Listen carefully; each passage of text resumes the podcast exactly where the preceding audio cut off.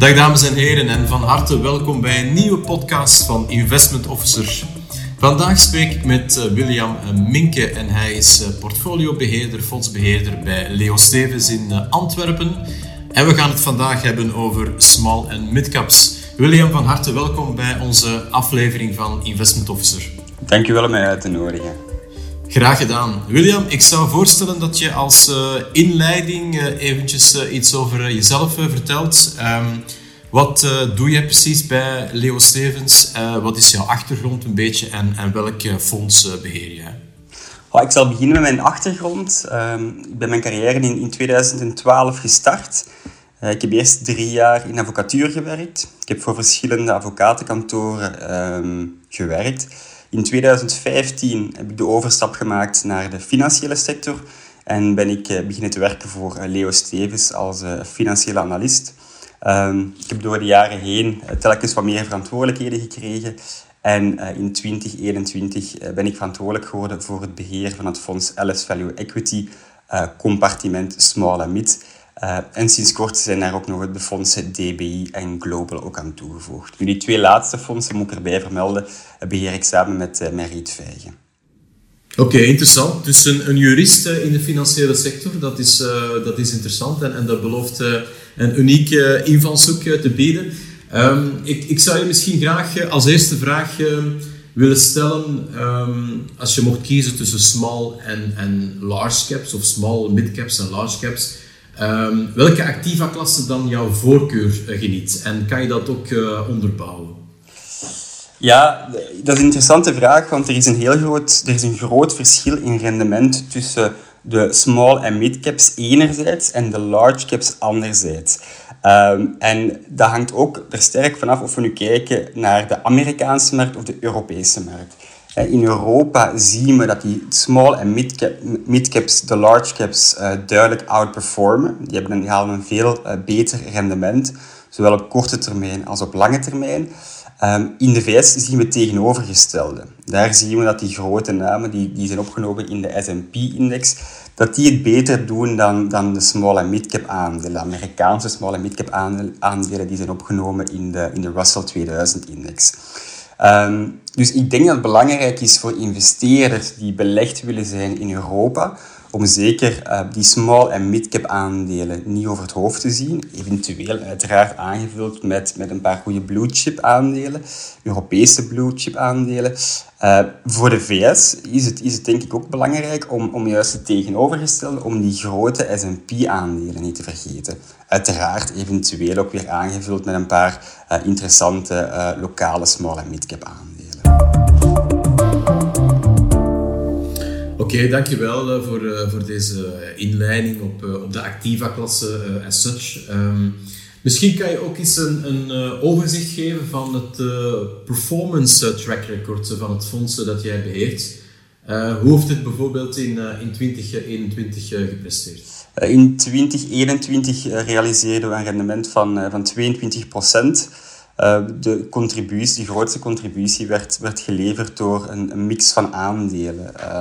Ehm, dus namen zoals een TKH deden het zeer goed, maar ook Aalberts, um, Strauman, uh, Teleperformance, Resolux, uh, Holland Colors. Het, zijn allemaal aandelen die dat uh, goed hebben gedaan, waar we kunnen van profiteren hebben. Um, u moet weten, wij investeren bewust niet in uh, bankaire aandelen en we investeren ook bewust niet in grondstoffenaandelen. En dat zijn twee sectoren die dat zeer goed hebben gedaan in 2021. Nu, desondanks dat we daar niet in geïnvesteerd uh, waren, niet in geïnvesteerd zijn, uh, hebben we een zeer mooi rendement gerealiseerd, uh, dankzij onze goede stockpicking. Nu ook naar de toekomst toe blijft het wel belangrijk voor ons dat we, ehm, dat, dat we een focus hebben. Dus het blijft ook naar de toekomst toe zo dat we niet gaan investeren in die, in die grondstofaandelen en in die bankaire aandelen. Mag ik even vragen um, waarom je specifiek niet in die twee sectoren investeert? Ja, er zijn, er zijn twee zaken die volgens mij als, als, als investeerder, als belegger zeer moeilijk zijn om in te schatten eerste zaak is nu niet zo relevant, dat zijn de wisselkoersen. Maar de tweede zaak uh, zijn de grondstofprijzen. En uh, u kan er misschien in slagen om een, om een zeer goed grondstoffenbedrijf te vinden met een uitstekend management, Maar ehm, ook zij zijn sterk afhankelijk van wat die grondstofprijzen doen. Het is iets dat ze zelf niet in de hand hebben. Dus de visibiliteit daar is, is zeer beperkt. Uh, en we zien hetzelfde eigenlijk ehm, bij die bankaire aandelen. Bij die bankaire aandelen, dat zijn vaak, banken zijn vaak logge instellingen.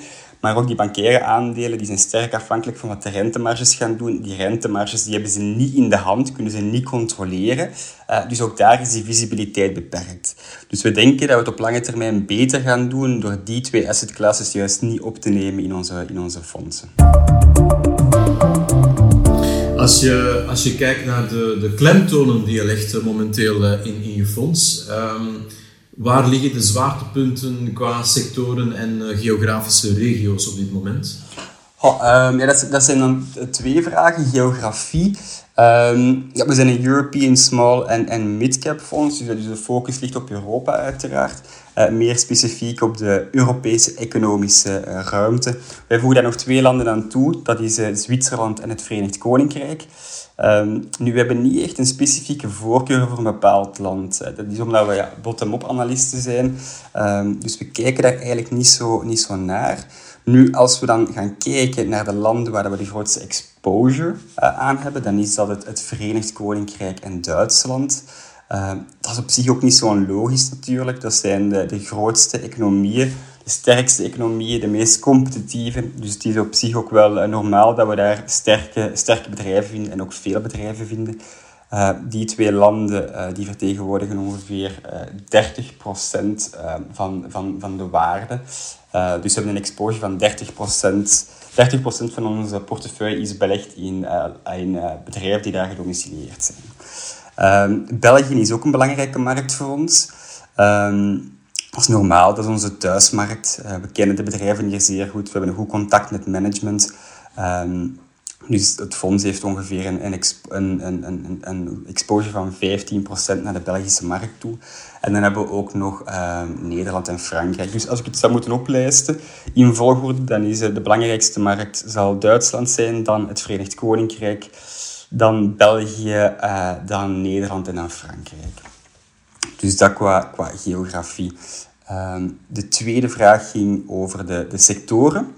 Klopt, ja. Um, nu, als we naar de sectoren kijken, ons small en mid-cap fonds um, is, is voor 35% belegd in industriële uh, namen, industriële aandelen. In het small en mid-cap segment, zeker in Europa, vinden we daar uh, interessante, interessante namen.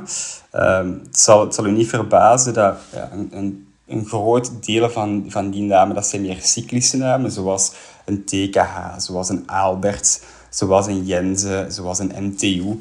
Ehm, wat veel mensen niet weten, denk ik, is, is dat er in, in die groep ook, in die industriële groep, ook uh, interessante groeiaandelen zitten. Ons grootste, onze grootste participatie is bijvoorbeeld uh, Teleperformance, vertegenwoordigt 6% van het fonds. Um, zij zijn uh, marktleider in, uh, in callcentra. En we zien dat meer en meer multinationals hun belcentra uitbesteden, dat niet meer zelf doen. Dat is iets waar teleperformance van profiteert. Dus als u um, vandaag naar uw, uw nutsleverancier belt of u belt naar de call, callcentrum van een, of de helpdesk van een e-commerce bedrijf, de kans dat u bij teleperformance uitkomt is heel groot. Um, ik heb recentelijk zelf eens een test gedaan ik had naar Mastercard gebeld en ik vroeg aan die, aan die persoon die aan de had van werkt u toevallig voor teleperformance? En hij antwoordde bevestigend, dus ja, ze zitten wel degelijk overal. Ze hebben ook zeer mooie cijfers. Ze groeien met 10% per jaar, EBITDA-marges van rond de 20%. Ze noteren nu aan, denk ongeveer 25, 26 keer de verwachte winst, dus absoluut niet zo duur. Een ander aandeel, industrieel aandeel, dat we vorig jaar hebben toegevoegd, uh, is, uh, is Thermador. Dat is eigenlijk een, een klein Frans bedrijf. Het is eigenlijk een Franse KMO, eh, gespecialiseerd in, in de distributie van uh, waterpompen, buizensystemen, maar ook andere zaken. Eigenlijk alle zaken die loodgieters uh, nodig hebben of kunnen gebruiken. Um, zeer interessant bedrijf, groeit aan, aan, aan 5, 5% per jaar. EBITDA-marges van bijna 20%. Noteren nu aan 16 à 17 keer de verwachte winst. Absoluut niet zo duur. En hetgeen wat, hetgeen wat u ziet bij Teleperformance, maar ook bij um, Thermador, is dat die markt nog redelijk gefragmenteerd is. En dat zijn twee sterke spelers in die markt, dus ze kunnen profiteren van, van de consolidatie die daar gaande is. Dus die industriële markt is voor ons een, is, is voor ons een belangrijke markt. de tweede het, tweede grote sector waarin, waarin dat wij uh, ook belegd zijn, het, uiteraard is information technology, vertegenwoordigt 16 of 15 à 16 procent van de waarde van het fonds. Um, hier vinden we bedrijven terug die dat een, uh, een sterke omzetgroei realiseren, die dat um, hoge marges hebben, maar waarvoor dat we iets meer moeten betalen. Maar dat is een logisch gevolg van de kwaliteit dat je krijgt. Um, voorbeelden hier zijn Temenos uh, en Simcore. Temenos en Simcore zijn twee softwarebedrijven die, dat, ja, die maken software voor financiële instellingen en banken. Ik heb mij in het verleden vaak geïrriteerd aan de beperkte digitale applicaties dat die grootbanken hadden, of ze werkten niet goed. Um, ja, de grootbanken, maar ook andere banken hebben een, zeer grote inhaalbeweging moeten maken. Die is nog altijd uh, bezig. En dat is iets waar, dat, waar dat een, bedrijf zoals Simcore en Temenos uh, uiteraard van profiteren. Die omzet groeit met 10% per jaar. Uh, EBITDA-marges bedragen tegen de 30% denk ik. Um, noteren nu aan 25 à 30 keer de verwachte winst. Dus zijn eigenlijk voor de kwaliteit dat je krijgt nog niet zo duur. Um, nu, in die groep van information technology zitten ook andere bedrijven. Een bedrijf zoals Melexis zit er ook in, Halma zit er ook in. Eén voor één sterke bedrijven, iets duurder bedrijven, maar echt van, van goede kwaliteit. Um, onze derde grootste sector, en dat, is, dat vind ik een heel interessante sector, dat zijn de consumptiecyclische bedrijven. En die vertegenwoordigen ongeveer 15% van de waarde van het fonds. Het zal ongeveer zoiets zijn. Um, hier vinden we bedrijven van goede kwaliteit, die dat uh, nog, een, uh, nog degelijk groeien, hoge marges hebben en die nog altijd niet zo duur zijn. En dat, is, dat, noemen ze nu de GARP-aandelen, Growth at a Reasonable Price. Um, een voorbeeld daar is um, DeLonghi. DeLonghi is een van mijn favoriete familiebedrijven. Um, het is een Italiaans familiebedrijf. Ze maken huishoudtoestellen, maar ze zijn eigenlijk vooral bekend um, van hun uh, koffiemachines dat ze maken. Ja, ik kan dat bevestigen dat dat uitstekende machines zijn. Ah, maar voilà. ik, heb, ik vind dat ook geweldige machines. Ik ben, ben blij dat u dat bevestigt. Maar die, super, die heel goede kwaliteit van, van koffie dat u proeft, uh, bedrijf is ook van goede kwaliteit. Dus uh, we zien, dat, we zien dat, die, dat die marges die bedragen, EBITDA-marges zitten rond de 15%. Het bedrijf groeit aan 5% per jaar betalen daar minder dan 14 keer de verwachte winst voor, of het zal ongeveer 14 keer de verwachte winst zijn. Dus het aandeel was in het begin van het jaar een beetje teruggevallen. Uh, we hebben ervan geprofiteerd om, om, om nog wat extra aandelen van de Longi aan het fonds toe te voegen. Uh, dus een, een heel interessante groep. Uh, ook bij Materials, dat is dan de, de, de vierde grootste groep, vertegenwoordigt ongeveer 10% van de waarde van het fonds zie je een beetje hetzelfde. Daar vinden we ook aandelen van relatief hoge kwaliteit, die nog altijd niet zo duur geprijsd zijn. En, en hier is een voorbeeld, um, bijvoorbeeld Meijer Melnoff. Meijer Melnoff is een, is een bedrijf, um, ze zijn marktleider in de productie van gerecycleerd karton. En ze profiteren natuurlijk van, van de boom van e-commerce. Er zijn meer en meer kartonnen dozen nodig. Als ik, bij als ik bij mezelf hier thuis kijk, uh, er worden elke week dozen geleverd van bol.com, uh, van Amazon, uh, van HelloFresh. Dus ik denk dat ik onrechtstreeks dat ik wel een, een, grote, grote klant van hen ben. maar ze hebben ook zeer mooie cijfers. Dus ze groeien aan ook ja, 5% per jaar. EBITDA-marges van 15% ongeveer. Noteren aan denk 15 keer de verwachte winst. Het zal iets meer zijn. Uh, koers was vorig jaar in november of december een beetje teruggevallen. Hebben we ook niet van geprofiteerd om die positie een beetje aan te dikken. En is nu een van, onze, van, van de grotere posities uh, van het fonds. Dan uh, is er nog één belangrijke sector die ik moet vermelden. En dat is alles wat rond gezondheid te maken heeft. Dat is een zeer interessante sector, maar we zien wel dat die waarderingsmultiples hier een beetje hoger liggen. Dus hier zijn we wel een beetje voorzichtig om daar te agressief in, in te investeren. Um, maar twee grote namen die daar in het fonds zitten um, zijn uh, Strauman en Medistim. Het zijn twee relatief grote posities. Uh, dus de totale sector vertegenwoordigt ongeveer 10% van het fonds. Uh, en Strauman en Medistim ja, vormen daar eigenlijk een groot deel van. Uh, Straumann die maken onder andere tandimplantaten, zijn daar marktleider, wereldwijd marktleider. Ze doen ook nog veel meer andere zaken. Uh, Medistim, dat is een Scandinavisch bedrijfje. En die maken eigenlijk apparaatjes voor cardiologen om te zien dat, het goed zit met de bloedverstroming na een bypassoperatie. Nou, dat zijn bedrijven die groeien aan 20% per jaar, omzetgewijs dan. EBITDA-marges bedragen um, ehm, 30% ongeveer. Um, en daar, moet, daar betalen we natuurlijk wel iets meer voor. daar betalen we 40 à 45 keer de verwachte winst voor. Dat is een logisch gevolg van de kwaliteit dat je, dat je, dat je krijgt. Dus eh, kwaliteit versus prijs zit daar eigenlijk nog wel altijd mooi in verhouding. En ik dat belangrijk is bij al de bedrijven dat ik nu vermeld heb, um, dus gaande van een DeLonghi, uh, een medisch team, een Strauman, um, een Teleperformance, een Thermador. Um, dat zijn één voor één bedrijven die dat eigenlijk in hun niche een, een sterke marktpositie hebben. Uh, een dominante, markt, ja, een dominante, dominante of, of wel heel sterke marktpositie hebben. Dus dat is wel uh, ja, de, de rode draad, denk ik, door, um, ja. door, die bedrijven. Okay. Ja, dankjewel voor je bundige, uitvoerige uitleg. Ehm, ik, ik, zou dan nu graag eventjes dieper ingaan op het uh, investment proces. Um, hoe jij misschien bond, uh, bondig te werk gaat, um, top-down factoren in, in, rekening neemt. Ik heb ook begrepen dat je heel sterk bottom-up aandelen selecteert. Kan je daar misschien voor onze luisteraars wat toelichting geven? Ja, Ehm, nu, voor mij is er, iets, is er een duidelijk verschil tussen selectieproces enerzijds en anderzijds de structuur van het fonds. Ik zal beginnen met het, met het selectieproces.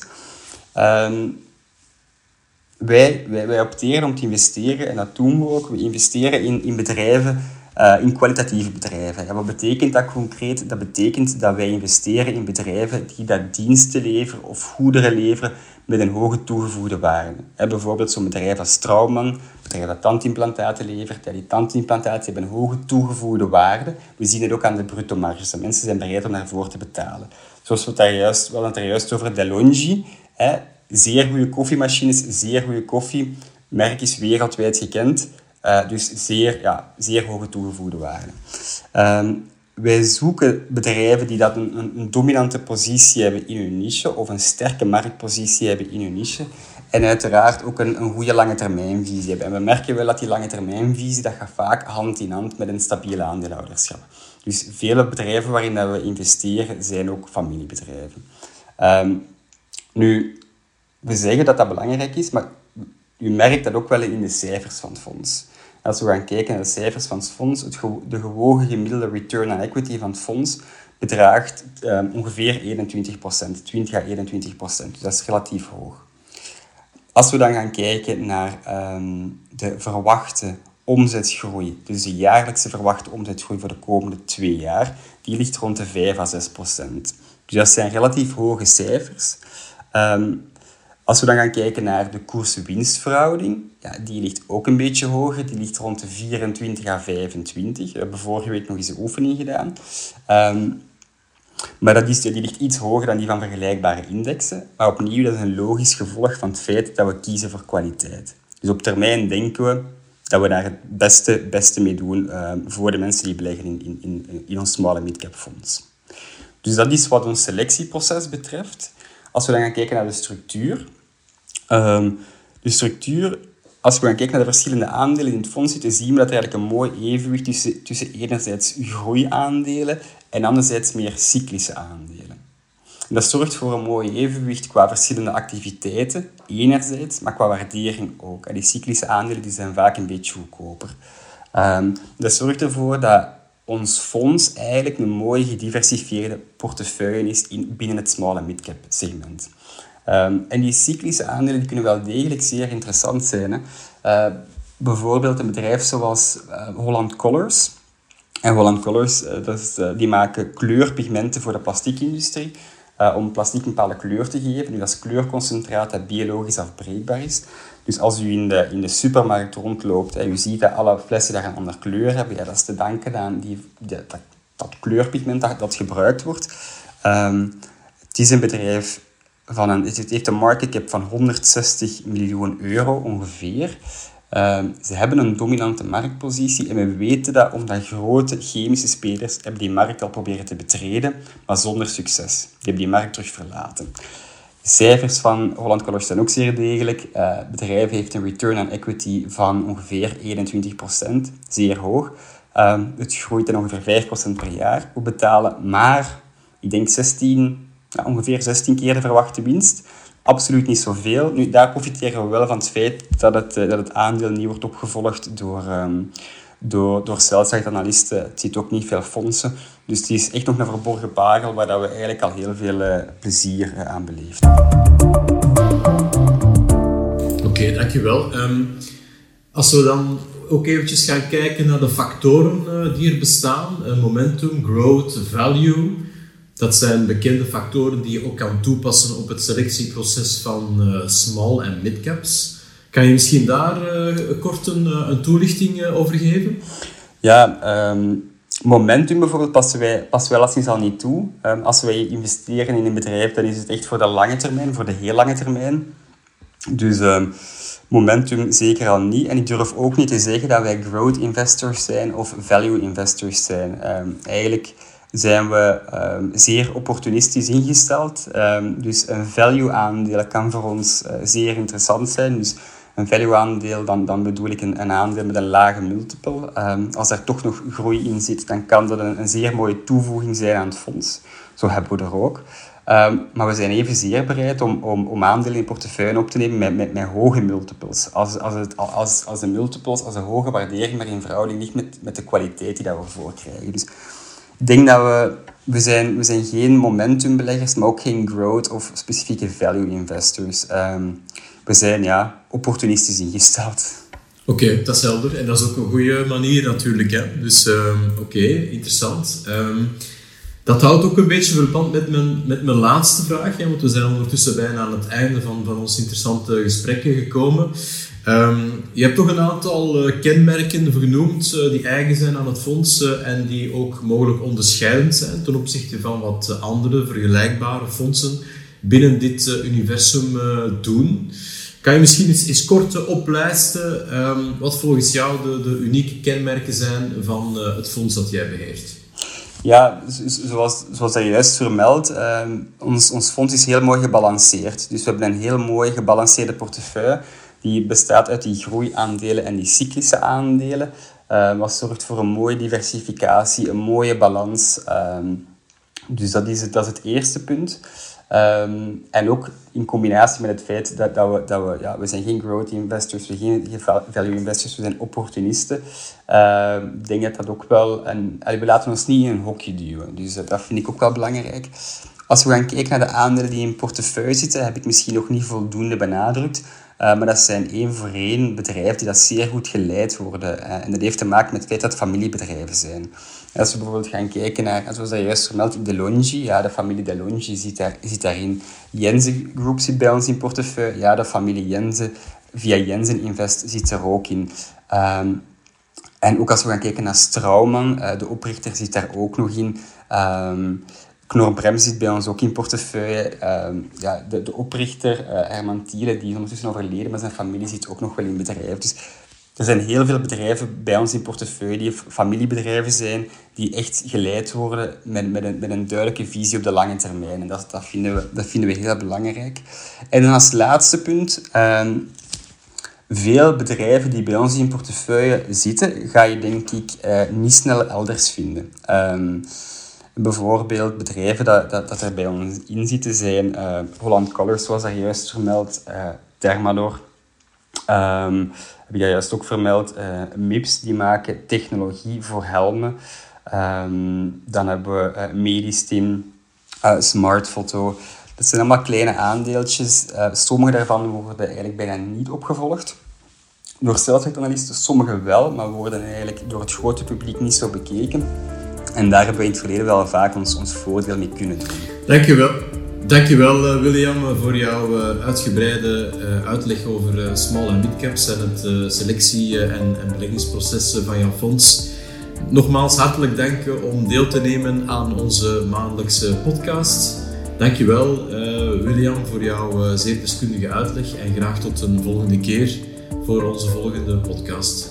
Tot ziens. Tot ziens. Dag William.